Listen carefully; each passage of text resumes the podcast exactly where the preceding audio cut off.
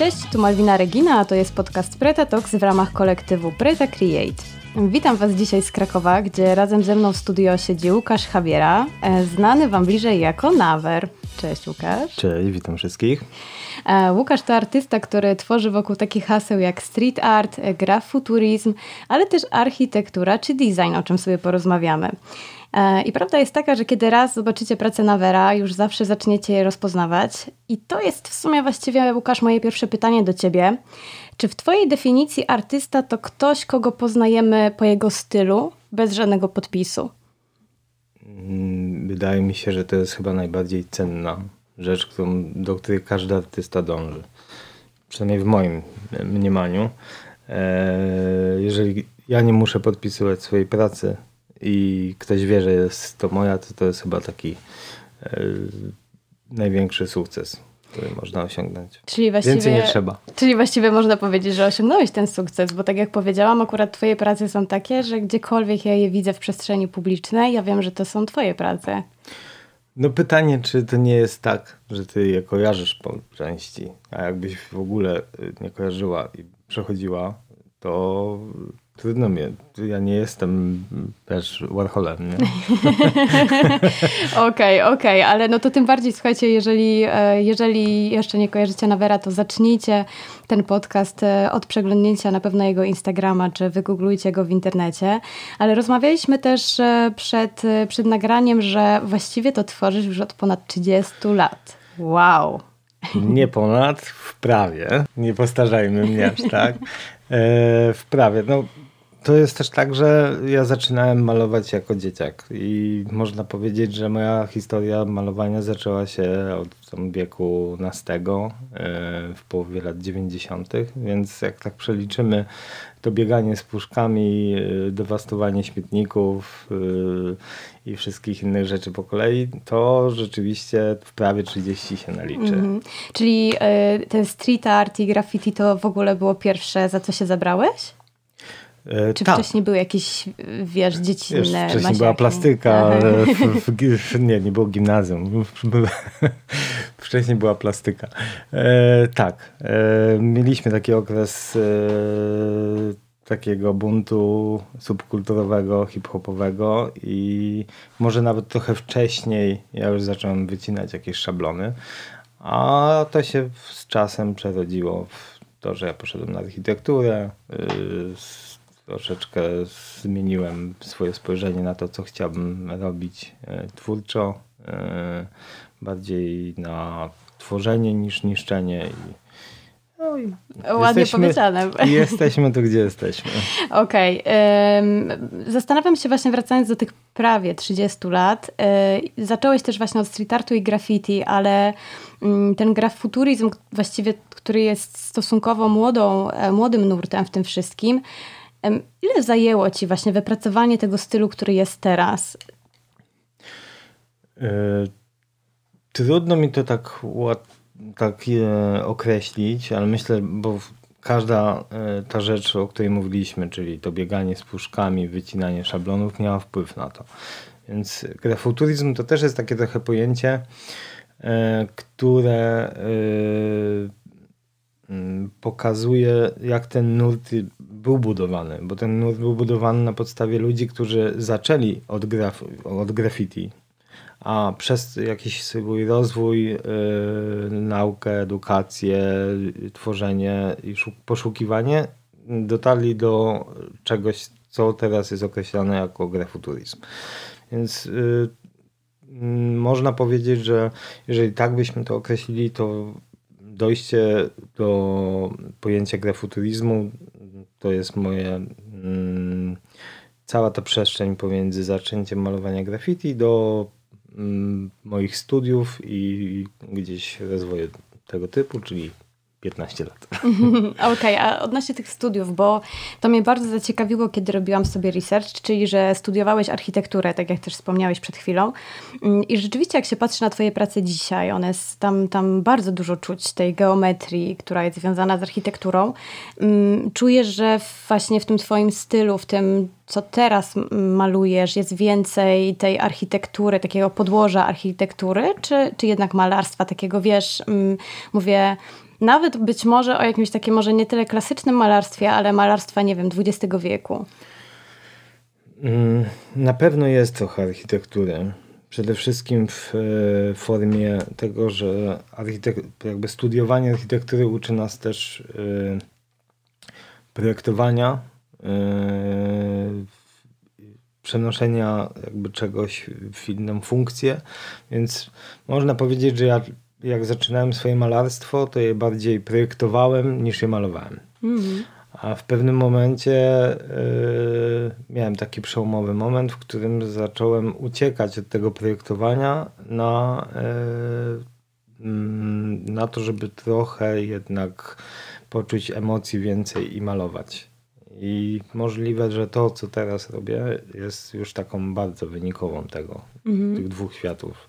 Ja się malarstwa uczyłem sam. Eee, więc do wszystkiego sobie dochodziłem u siebie w studio. Prawdopodobnie ten proces w związku z tym był wydłużony. Mm. Zrezygnowałem zupełnie ze, tak naprawdę z malowania w studiu sprayem już od powiedzmy dekady. Mm. Wszystko to już są pędzle, akryle i to jest takie już bardziej klasyczne, można powiedzieć, sztalugowe mm. malarstwo. Mimo, że nadal dużo tam takiego vibe'u graficiarskiego, czyli tego klasycznego sprayu, nie? To tak się wydaje, e, bo ja wiem o tym, bo, bo, bo, bo słyszałam, że, że wiem o tym, że po prostu malujesz farbami, ale powiem szczerze, że jak patrzyłam na to, to dalej mi się wydawało, że to jest spray. No widzisz. No, ten, te gradienty i, i, i też, też, też jestem, mm, zaintrygowałeś mnie teraz tym, że że w ogóle się nie uczyłeś tego malarstwa, a patrząc na twoje prace, y, to co w ogóle mnie najbardziej fascynuje, to jest niesamowite, niesamowite wyczucie koloru. I jak ty to, jak ty to robisz? Nie wiem. Ale od dzieciaka miałeś jakieś dobre wyczucie jak... koloru, to się wypracowywuje. Nie wiem, to wydaje mi się, że to po części się trochę gusta yy, yy, wynosi się trochę z domu, bo to rodzice gdzieś cię mhm. nakręcają, yy, ukierunkowują.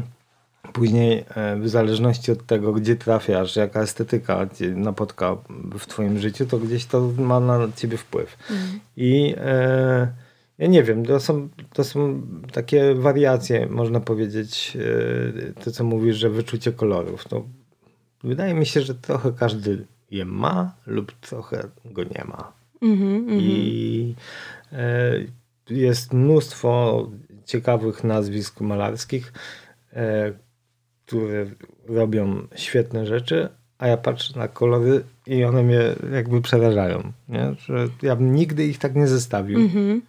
I z jednej strony e, mi to imponuje, bo dla mnie jest to obłęd, jak ktoś potrafi zestawić ze sobą takie kolory i to funkcjonuje. Mm. Z drugiej strony e, są niekiedy takie zestawy, które mnie odrażają. I nie wiem, jak to jest możliwe, że one w ogóle ze sobą funkcjonują. Mhm, czyli wszystko na takiej mm, płaszczyźnie intuicji, jakiegoś takiego wyczucia Myślę, że po tak, że każdy artysta jak zaczyna tworzyć i e, przede wszystkim poświęca dużo czasu na to, żeby tworzyć, to dochodzi intuicyjnie do czegoś. Pewnie łatwiej by byłoby nam e, pójść do kogoś, kto przekaże ci podstawową wiedzę. Teraz jest chyba trochę łatwiej. Tak mi się wydaje, że tych e, ludzie trochę e, zaczynają malować przez e, podcasty, mm. YouTube i, i, tym podobne. Jest dużo. A, a ja pamiętam, że ja do każdego y, z tych rzeczy, które dochodziłem, dochodziłem sam. No, od początku od malowania graffiti, w którym też się nauczyliśmy, że tu trzeba jakieś końcówki, tu trzeba coś podłożyć, ścianę. I to samo zrobiłem, ten sam proces y, przeprowadziłem u siebie przez dwie dekady w studiu z malarstwem. Mm -hmm. A y, też trochę w tym grafuturizmie dalej, y, to jest tak, że mm, ten nurt pozostawia bardzo dużo miejsca na ekspresję. Też powiedziałeś przed chwilą o emocjach i rzeczywiście mm, w ogóle abstrakcja też jest takim nurtem, który jak dla mnie bardzo mocno działa na emocje. Być może dlatego, że jest taka niedosłowna. Mm, ale zastanawiam się, czy mm, poruszasz się cały czas w tym jednym nurcie i jak dbasz o to, żeby się nie powielać, żeby się nie powtarzać, żeby zawsze to było coś zupełnie, zupełnie innego? No ja myślę, że ja mam takie wrażenie, że ja cały czas poszukuję. Że miałem taki moment, w którym doszedłem do jakiegoś takiego stylu, o którym mówisz, że że patrzysz na moje prace i wiesz, że to ja. Natomiast ja w międzyczasie zacząłem poszukiwać czegoś nowego i czegoś, co odkryłem w ogóle przypadkiem i te takie rzeczy, które gdzieś się u mnie pojawiają, takie bardziej kolażowe prace, których widać trochę więcej przypadku trochę więcej takiego swobodnego malarstwa. E, one powstały totalnie przez przypadek. One powstały na zasadzie, o kurczę, zostają mi palety po malarstwie, e, co z nimi zrobić, bo one są fajnie wyglądają, zaczynam to ciąć i okazuje się, że powstają totalnie nowe rzeczy, które sprawiają mi więcej radości. E, nagle czuję taką energię, że ja chcę tworzyć z takim, tak jak mówisz, że vibe jest taki, wiesz, wow, odkryłem mm -hmm. sobie coś dla siebie e, i łapię się na tym, że ja już y, po tam kilku miesiącach pracy przestałem, odłożyłem na chwilę tamto malarstwo takie mm, bardzo geometryczne i zająłem się w ogóle robieniem sobie kolarzy. Mm -hmm. I przez chyba dwa czy trzy lata nie ruszyłem w ogóle geometrycznych rzeczy. -hmm.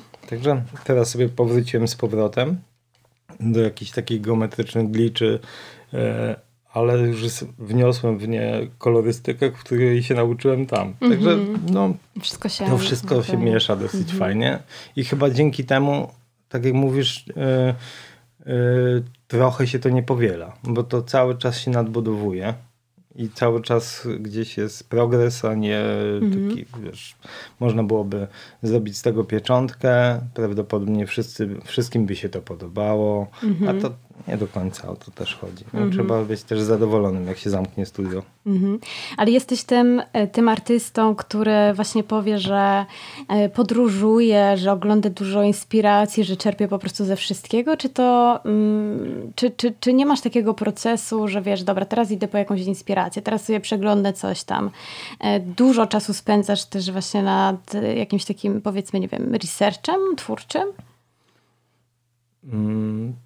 Nie wydaje mi się, żebym dużo czasu y, poszukiwał. Jakby wolę ten czas poświęcić na malarstwo niż na poszukiwanie. Mm -hmm. jakby mm, ja poszukuję na zasadzie y, pracy w studio. Mm -hmm.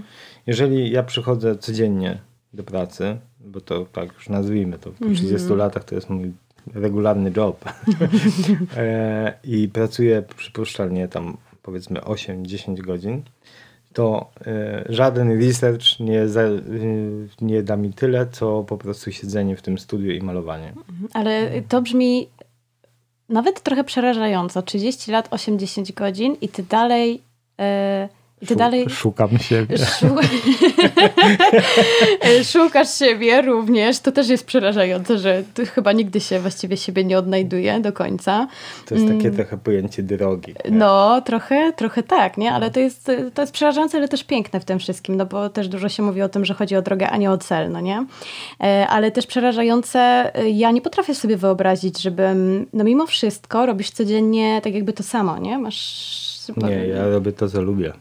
Tak, to, ale posługujesz się tymi samymi narzędziami i po prostu jestem y, w szoku, że rzeczywiście, jak powiedziałeś, 30 lat, 10-8 godzin, prawie że dzień w dzień, skąd to się bierze, skąd te pomysły, skąd ta ekspresja, nie? Wiesz, przede wszystkim to yy, ja idę, yy, jeżeli nazywamy to już tą pracą, nie? to ja idę do studia yy, z pełną energią. Nie? To mi daje takie, taką satysfakcję ta nadal. praca. Tak, nadal po tych 30 y, latach malowania, że jakby idę i mam cały czas fan z tego. Nie? Oczywiście stają się tam pomiędzy, mam w, nie, yy, pojawiają się też przecież inne projekty, w których biorę udział, trochę bardziej lub mniej komercyjne, różnego typu realizacje, trochę mniej standardowe niż yy, siedzenie w studiu, więc to też y, jest taką odskocznią. Mówimy o 30 latach, ale z drugiej strony e, ile to mi dało możliwości zwiedzenia świata, malowania w różnych miejscach, zwiedzenia e, wiesz, różnych kultur, poznawania ludzi, e, uczestniczenia w wystawach, także to jest naprawdę nie do końca aż tak nudne. Okej, okay, wróćmy trochę do, do początków, do tego, bo, bo teraz zacząłeś mówić też o tych doświadczeniach zagranicznych, o których bardzo bym chciała z Tobą porozmawiać, ale zanim to, mm, dotarłam do, do, do takiego Twojego zdania, gdzie mówiłeś, że na pierwszej wystawie swojej, e, która chyba była zaraz po studiach albo w trakcie studiów, sprzedałeś wszystkie prace. I to jest kwestia tego, że już wtedy miałeś unikalny styl, charyzmę, niesamowity talent. Rozkminiałeś to? Albo dużo znajomych. A to znajomi wszyscy kupili. Wiesz, no, trochę to się tak opiera. Ale, no, ale trochę to jest e... ważne. E, nie bagatelizujmy tego, nie? No oczywiście nie bagatelizujmy, bo e... po pierwsze może coś jest z tego, co powiedziałaś, nie? że trzeba mieć trochę charyzmy i odwagi w ogóle, żeby pokazać swoje prace. E, spotkać też na swojej drodze odpowiednich ludzi, którzy cię do tego popchną i powiedzą, kurczę, malujesz graffiti, a nie chciałbyś tego pokazać w, takiej przestrzeni galeryjnej. No chciałbym. No to jest taka możliwość. No to okej, okay, no to spróbujmy. No to ja nie mam pracowni, ale mam piwnicę u siebie w bloku. No to tam spróbuję to zrobić w piwnicy. Mm. Oczywiście one tak wszystkie powstały na tą pierwszą e, wystawę i nie wiem co, jakby jaki jest klucz, bo nie ma czegoś takiego jak taki klucz, ja mam tutaj klucz, tu masz sprzedane wszystkie prace na pierwszej wystawie. Natomiast e, jest to na pewno budujące i dające ci takiego kopa, kurczę, no to jednak się to podoba. Bo jakby się nie podobało, to nawet znajomi by tego nie kupili. Mm. e, nie wiem, czy to też jest takie istotne, żeby akurat sprzedać na pierwszej wystawie wszystkie rzeczy, bo chyba ważne jest, żeby ją po prostu zrobić, bo nie będzie drugiej bez pierwszej. Mm. E, i, I odważyć się, żeby te prace pokazać. Teraz chyba jest łatwiej i trudniej, bo e, z jednej strony można sobie tą wystawę zrobić trochę bez pokazywania fizycznego i dużo ludzi ogląda rzeczy po prostu tylko, że trafić i przytrzymać ich dłużej, mm. to też jest umiejętność. Mm. Chyba jednak dalej ważne są te pierwsze wystawy, w ogóle wernisaże i y, robienie, robienie tego offline, nie? wydaje mi się, zwłaszcza w sztuce. No tak, no to jest chyba, to, ja lubię. Mm. Ja nie wyobrażam sobie tworzenia bez pokazywania na żywo, i, bo przede wszystkim prace na żywo wyglądają -hmm. zupełnie inaczej i się inaczej czuje, odbiera, przeżywa Mhm. Inaczej się też, ja lubię też projektować wystawy, bo jakby... Z, też jesteś czasem kuratorem, widziałam e, u Ciebie na Instagramie. Przynajmniej, e, przynajmniej jedną taką wystawę znalazłam. Było parę. E, tak, aczkolwiek to jest taki segment, który mi sprawia dużo radości, kuratorowanie różnym projektom, natomiast chciałbym to bardzo robić, natomiast Zazwyczaj to jest kosztem mojego czasu na malarstwo mm -hmm. i później się wycofuję rakiem z tego, że mm -hmm. ach, kurczę, znowu... No może, może za 30 lat, słuchaj, nie wiem. E, przyjdzie, przyjdzie Nie wiem, czy kiedy przyjdzie ten moment dobry na to. Mm -hmm. To jest fajne. Raz na jakiś czas y, y, mam na to zajawkę taką swoją i chciałbym to robić. Mhm. Y, chciałbym też trochę spróbować wprowadzić to na inny poziom. Żebyśmy już nie byli postrzegani trochę jak te chłopaki. Takie, no, niestety. mam zapisane pytanie, to czy dalej tak jest? Trochę, trochę off topic, bo jeszcze sobie wrócimy do tego, o czym rozmawialiśmy przed chwilą, ale to jest e, też ciekawa kwestia. Czy dalej czujesz, e, dobra, trochę metaforycznie, przysłowiowo, stereo, stereotypowo, że musicie właśnie trochę walczyć z tym stereotypem bandziorów, którzy niszczą mienie publiczne i muszą uciekać przed policją? Myślę, że aż tak nie. To, to jest już tak. Yy, yy, natomiast yy, wydaje mi się, że to jest yy, jakiś trząg takiej grupy, która pracuje w Polsce, tak jak ja, yy, która spokojnie mogłaby pokazywać swoje prace w, w galeriach poważniejszych. Mm -hmm absolutnie związanych ze sztuką współczesną. Trochę widać, że tak się dzieje. E, chociażby wystawa w Muzeum Narodowym w Gdańsku Przemka e, Blazyka Seinera. E, wspaniała zresztą, jeżeli nie wiem, czy miałeś okazję zobaczyć. Także cała przestrzeń muzealna te, tego działu sztuki współczesnej została przez niego zajęta. I to są już takie zapowiedzi tego, że. Nadchodzimy. Strzeżcie się e, street artowców, ale, ale długo, bo my mówimy tak jakby boom na ten street art. Ja też to pamiętam, no ja byłam e, w ogóle, e, wiesz, siusiomajtkiem w latach 90., ale no jestem 9.0, ale pamiętam też te czasy, pamiętam właśnie mhm. czas tego hip-hopu polskiego i, i tego wszystkiego, co się działo wokół w ogóle kultury, subkultury. Mm, I mamy 2023 rok, tak jakby no, minęło ponad 20 20 lat i ty mówisz o tym, że nadchodzimy. Nie? Mhm. Ile, ile czasu no. trzeba, żeby z ulicy wejść do muzeum, do galerii poważnych? Wydaje mi się, że w Europie dużo mniej, bo jakbyś spojrzała na CV tych mhm. y, osób, o których mówimy tutaj, y, związanych y, kiedyś ze street artem, bo uważam, że większość z nas to już, my już nie, nie robimy street artu dla mnie nie, wiesz, to, że ja raz na rok pomaluję mural, to mm. nie znaczy, że ja robię street art, bo 99% czasu to jest moje malarstwo studyjne, a nie street art. -hmm. e, Czyli już nie czujesz się w nurcie ja się nie, street artu. Znaczy, to jest się... tak, można powiedzieć, wywodzę się z tego nurtu, ale ja tego nurtu nie kontynuuję. -hmm bo e, po prostu tworzę sztukę. -hmm. A e, to, że mam takie korzenie, każdy ma jakieś korzenie. Ważne, gdzie, gdzie jesteśmy w tym momencie. I mi się wydaje, że my w tym momencie jesteśmy po prostu sztuką współczesną. Mm-hmm. No totalnie. Myślę sobie teraz, mam w głowie dwie postacie Giga, jeśli chodzi o street art. Pierwsza, mm, no, no to oczywiście Basquiat, który zaczynał też y, od graffiti, od street artu, trochę innego oczywiście. No ale to były lata 80., a potem sprzedaje, e, wiesz, w którymś momencie jest jednym z najlepiej sprzedających się e, mhm. artystów amerykańskich i tam się to wydarzyło.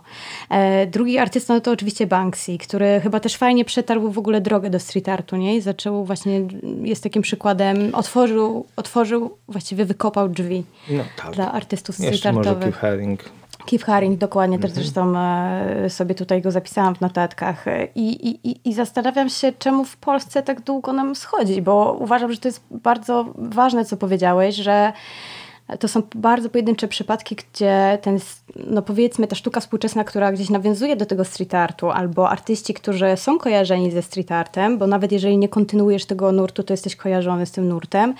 Mm, czemu tak trudno wejść w Polsce do, do, do poważnych instytucji sztuki? Nie wiem, ciężko mi to określić, ale nawiązując do Twojego pytania, to widzisz na zachodzie, ja z tą całą trójką wymienioną miałem wystawę. Nie? Mm. Natomiast tutaj e, jesteśmy tu, gdzie jesteśmy i, to, i nadal nadchodzimy, tak jak się mm -hmm. śmiejemy trochę z tego. E, w Europie y, po prostu jesteśmy y, w nurcie i jakby nikt tego nie podważa, bo taka, po prostu tak się wydarzyło. Mm. Jak, jak spojrzysz na przestrzeni lat, to po prostu tak wygląda proces. E, I i wcale się nie dziwię, że my mamy na zachodzie wystawy i jesteśmy e, wrzucani w jedno miejsce z Basquiatem, z Haringiem e, czy z Banksym. Z Banksym to wiadomo, ale bo po prostu to są nasze korzenie. Mhm. To, to od nich się zaczęło, można powiedzieć, po trochu. To przejście mm, z tego świata. W ten świat. Mhm, totalnie. No właśnie może też y, ważne, żeby to wybrzmiało dzisiaj, że rzeczywiście jesteś jednym z niewielu tych street artowych polskich artystów, którym udało się wyjść poza granicę Polski i to na takim levelu, o którym powiedziałeś no, przed chwilą. jest ich trochę. Y, jest ich trochę, ale y, myślę, że no nie tylko właśnie wystawy, nawet solo wystawy mm, w zagranicznych amerykańskich galeriach, ale też oczywiście twoja współpraca z Takashi Murakami, co ważne na jego zaproszenie. Podobno któregoś dnia się obudziłeś, otworzyłeś komputera tu mail od Murakamiego. Tak się wydarzyło. Mm-hmm. I... To zamknąłem komputer i otworzyłeś jeszcze raz. Nie wiadomo. Fajnie. E, tak się wydarzyło. Ja nigdy w życiu e, się nigdzie e, nie próbowałem dostać. Ja zostałem zaproszony i, i nie wiem, to jest może nienaturalne, bo widzę, że dzisiaj trochę ma, żyjemy w innych światach i trzeba się przepychać łokciami. Mm -hmm. Ja się nigdy nimi nie przepychałem. Po prostu tak wyszło. Zostałem zaproszony yy, w 2015 roku do zrobienia solowej wystawy. Yy, no i będę to pamiętał, nie? Świetne przeżycie. Jakby to też mi nauczyło takiej e, pode innego podejścia do pracy. E, tego, że mm, ważny dla artysty jest komfort tworzenia. Nie? Że jak zarabiasz jakieś pieniądze już na sztuce, e, które pozwalają ci zapłacić jakby wszystkie egzystencjonalne potrzeby, to zaczynasz czuć komfort twórczy. Też, mm -hmm. nie? Że nie martwisz się tym, po mhm. prostu wchodzę do studia i pracuję, bo się nie zastanawiam, e, że mam rodzinę do utrzymania, że trzeba zapłacić za studio, za, za mieszkanie i tak dalej. I wtedy to też Niekoniecznie ten artysta cierpiący to jest ten jedyny, który wiesz, tworzy najlepsze rzeczy, nie? Mm -hmm, super, no. że o tym mówisz, bo myślę, że to jest też bardzo ważne, bo znowu też właśnie w Polsce my w ogóle kochamy cierpieć, nie? I ten, w ogóle ja mam wrażenie, że artyści yy, boją się... Nie cierpisz, to nie tworzysz. Yy, no, dokładnie i w ogóle, a jak zarabiasz, to nie jesteś artystą, no nie? Też, no, tak, też tak, jest taki, no. e, takie podejście i ja też... To się trochę zmienia, bo mm -hmm. teraz jest taki kult pokazywania tego, ile się ma przerażający zresztą. E, I to też zjada trochę własny ogon, nie? bo mówimy, nie cierpisz, nie tworzysz, a jak e, zarabiasz, to, to nie tworzysz, mhm. bo jesteś nieprawdziwy, bo zarabiasz. Natomiast mm, niestety jest takie dziwne koło to zatoczyło, bo teraz jest pokazywanie, ile się zarabia, yy, nie tworząc. A też prawda, nie? To, to, to, to jest mm. takie... Tak, ja też, e, to w ogóle też wychodzi poza sztukę, nie? Cały ten nurt, e, czyli w tym roku zarobiłam tyle i tyle i właściwie to jest moje największe osiągnięcie w tym roku i te ludzie po prostu dają sobie to w bio na Instagramie, co jest przerażające moim zdaniem. Mm, a y, zapytam cię o twoich odbiorców. mhm jak ludzie odbierają Twoją sztukę? Czy oni odbierają to zupełnie inaczej niż, niż Ty sobie, nie wiem, czy to wyobrażasz, niż Ty celujesz? Bo, bo kiedyś spotkałam się z takim stwierdzeniem, że, że artysta, kiedy maluje obraz i skończy go malować, to on oddaje obraz w, ręk, w ręce odbiorców i tak jakby już nie może im nic narzucić. I ciekawa jestem, czy zdarzyły Ci się jakieś takie sytuacje, że w ogóle ludzie zupełnie inaczej rezonują z Twoją sztuką niż Ci się wydawało? Hmm, wydaje mi się, że tworzę dosyć mocno określone rzeczy i chyba rzadko mi się zdarza. Hmm, a oczywiście, jeżeli mówimy o abstrakcji, to tam ta dowolność e, interpretacji jest dość duża, więc każdy może poszukać dla siebie. E, dając tytuł pracy, mm, trochę podsuwasz gotowca. Mhm. Mm, natomiast y, to nie oznacza, że ktoś y, nie dzwoni do ciebie po miesiącu i słuchaj, ja się dzisiaj obudziłem, spojrzałem na ten twój obraz i nie uwierzysz, co zobaczyłem. Zdarza się? No, zdarzyło mi się parę, parę razy, tak. E, I to było fajne, oczywiście. I ja później otwierałem sobie gdzieś tam dokumentację do tej pracy i mówię, kurczę, no, no rzeczywiście może. Mhm. Może coś w tym jest. Co to jest dokumentacja do pracy? Znaczy, robię sobie po prostu dla siebie, archiwizuję każdą -hmm, pracę, więc -hmm. jestem w stanie sobie do niej wrócić na zasadzie otworzenia jej w okay, komputerze okay. i zobaczenia, no bo na żywo już nie, mhm. Ale otworzenie i zobaczenie, a okej, okay, to to, no, no dobra. Ale widzą tam jakieś przeżycia, emocje, postaci? E... Chyba, y, chyba tak, to niektórzy w tych szczególnie geometrycznych rzeczach gdzieś się mocniej zagłębiali. Natomiast wydaje mi się, że w tych kolażowych to ja sam czasami się zaskakuję, co widzę. I e, miałem parę razy tak, że robiłem sobie jakiś kolaż, układałem sobie kompozycję, po czym skończyłem ją i mówię, wow, tsunami. a, a twoje pierwsze prace, te z tej wystawy pierwszej, e, nie wiem, czy dalej masz kontakt z tymi znajomymi, którzy kupili te prace, ale... E, po części mam. I, i, i, i, co odczuwasz? Wiesz? Nie wiem, czy oni mają jeszcze te prace. A, okay. e, bo to były takie naprawdę pierwsze moje prace. Fajnie byłoby mieć. Znaczy mam, myślę, że doszedłbym do, do kilku osób, które mają jeszcze te pierwsze rzeczy. E, natomiast one były takie, wiesz, no trudno powiedzieć, że to były dobre prace. To były dobre prace jak na to, żeby się zmierzyć e, z przejściem z dużej ściany w mały format. E, mi nie pozwalał też na to, mm, moja technika mi nie do końca pozwalała też na to, żeby to dobrze zrobić.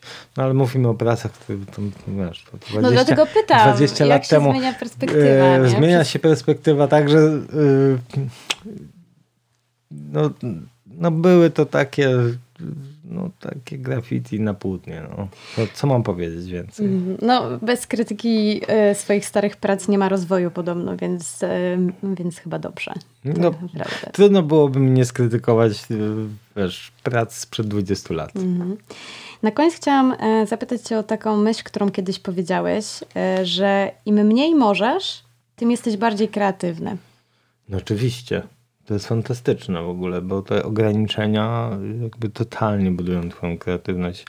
E, I czasami e, fajnie jest mieć mniej narzędzi, mniej e, informacji i próbować coś stworzyć, niż ich przesyt, którym jesteśmy niestety w dzisiejszych czasach przetłoczeni. Mhm. Ludzie oglądając to, co się dzieje dookoła, przestają mieć chęci na to, żeby cokolwiek samemu zrobić, nie? Mhm. bo ich po prostu przytłacza to. To jest takie trochę depresyjne. E, I lepiej jest jednak usiąść i zacząć coś robić, niż patrzeć, co robią inni, bo to, mhm. to nie do końca. Czyli tak. co, lepiej mieć trzy kolory do wyboru niż całą paletę? No z trzech kolorów można zrobić bardzo dużo.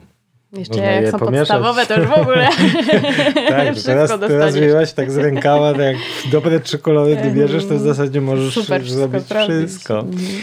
E, no, tak jest. Piękna myśl na zakończenie. Myślę, że to bardzo ważne też, co powiedziałeś. E, bardzo Ci dziękuję za tę rozmowę o, szybko, o sztuce. Szybko minęło, szybko, co? No. Myślałem, że pogadamy, ale to... A jeszcze chciałeś coś powiedzieć? Może jeszcze chcesz, wiesz, e, tutaj jakaś głosówka? Ja proponuję tak, możemy odłożyć resztę na kolejny. Na kolejny, dokładnie, słuchajcie, dajcie znać. Ciąg dalszy nastąpi. Dzięki piękne Nawer, czyli Łukasz Habiera był moim gościem. Dzięki wszystkim, hej. Jeśli podobała Ci się nasza rozmowa, śledź projekt Preta Create tutaj, na Instagramie, na Facebooku i w świecie realnym. W Preta Create tworzymy kreatywne szkolenia i warsztaty, nagrywamy podcasty i rozmawiamy z ludźmi z szeroko pojętej branży kreatywnej w Polsce. Przyłącz się do nas i rozwijaj ten projekt razem z nami.